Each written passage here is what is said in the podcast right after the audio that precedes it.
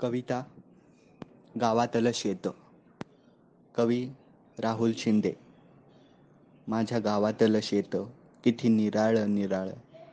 तिथली हिरवळ घालते माझ्या मनाला फुरळ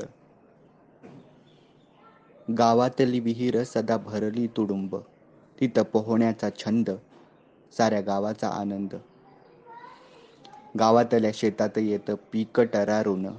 देवाजीनं दिलं दान मोत्याचं भरून. असं आहे माझं शेत निसर्गात वसलेलं. ईश्वराच्या करणेनं इथं गोकुल नांदळ